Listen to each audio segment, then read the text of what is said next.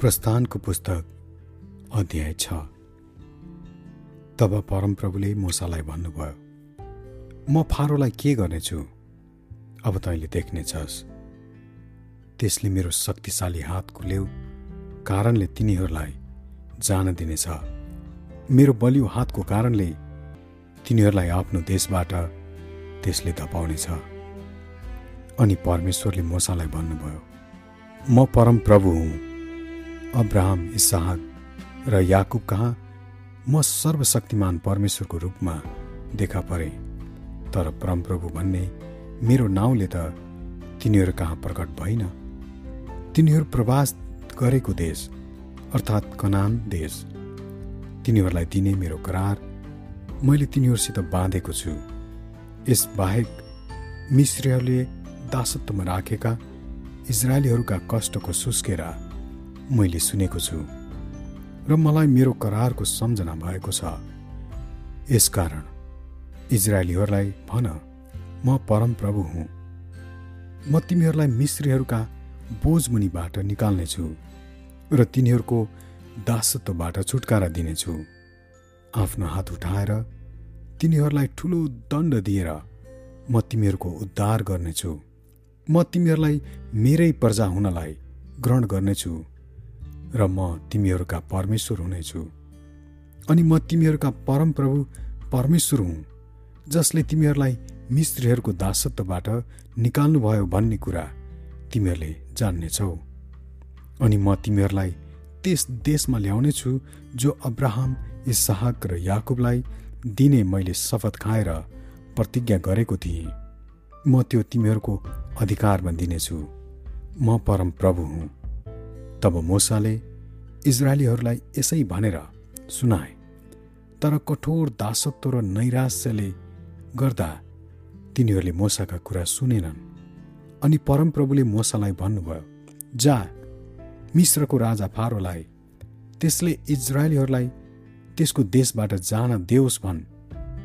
तर मोसाले परमप्रभुलाई भने इजरायलीहरूले मेरो कुरा सुनेनन् भने म बोल्नै नजान्ने मानिसको कुरा फारोले झन् कसरी सुन्ला र तब इजरायलीहरू र मिश्रका राजा फारोका विषयमा परमप्रभुले मुसा र हारुनसित बोल्नुभयो र इजरायलीहरूलाई मिश्रबाट निकाली ल्याउने आज्ञा तिनीहरूलाई दिनुभयो। तिनीहरूका परिवारका मुख्य मुख्य मानिसहरू यिनै हुन्। इजरायलका पहिले जन्मेका रुबेनका छोराहरू हनोक पल्लु हेस्रोन र कर्मी थिए। रुबेनका वंशहरू यिनै हुन्। सिमियो सिमियोनका छोराहरू एमुएल यामिन ओहद याकिन सोहोर र कनानी स्त्रीका छोरा सौल थिए। सिमियोनका वंशहरू यिनै हुन्। लेबीका छोराका नाउँ तिनका पुस्ता अनुसार यिनै हुन्। गेर्सोन कहात र मरारी। लेबी एक सय वर्षसम्म बाँचे। गिर्सोनका छोराहरू तिनका वंशअनुसार लिब्नी र सिमी थिए। काहातका छोराहरू अब्राम इसहार हेब्रोन र उज्जियल थिए। काहात एक सय तेत्तिस वर्षसम्म बाँचे। मरारीका छोराहरू महली र मुसी थिए। लेबीका वंशहरू तिनका पुस्ता अनुसार यिनै हुन्। अमरामले आफ्नी फुपू योके वेदलाई विवाह गरे र तिनले उनीबाट हारुन र मोसालाई जन्माइन्। अमराम एक सय सैतिस वर्षसम्म बाँचे। इसहारका छोराहरू कोरह नेपेग र जिक्री थिए। उज्जेलका छोराहरू मिसायल एल्साफान र सित्री थिए। हारुनले अमिनाबादकी छोरी नहसोनकी बहिनी एलिसेबालाई विवाह गरे र तिनले उनीबाट नाबाद अबिहु एलाजार र इतामारलाई जन्माइन्। कोराहका छोराहरू असिर एल्काना र अभिशाप थिए। कोराहका वंशहरू यिनै हुन्।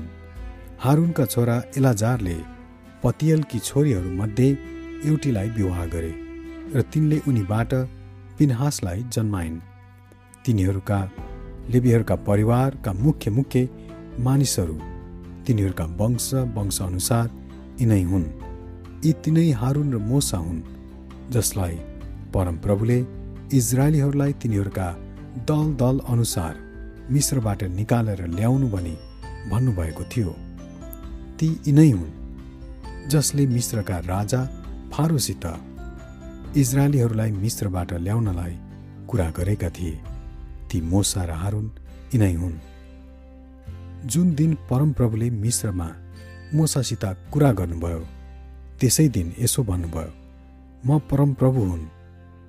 मैले तँलाई जे जे कुरा भन्न लगाएको छु ती सबै मिश्रको राजा फारोलाई भन्। तर मोसाले परमप्रभुलाई भने म बोल्न जान्दिनँ। फारोले कसरी मेरो कुरा खान्लान्? आमेन।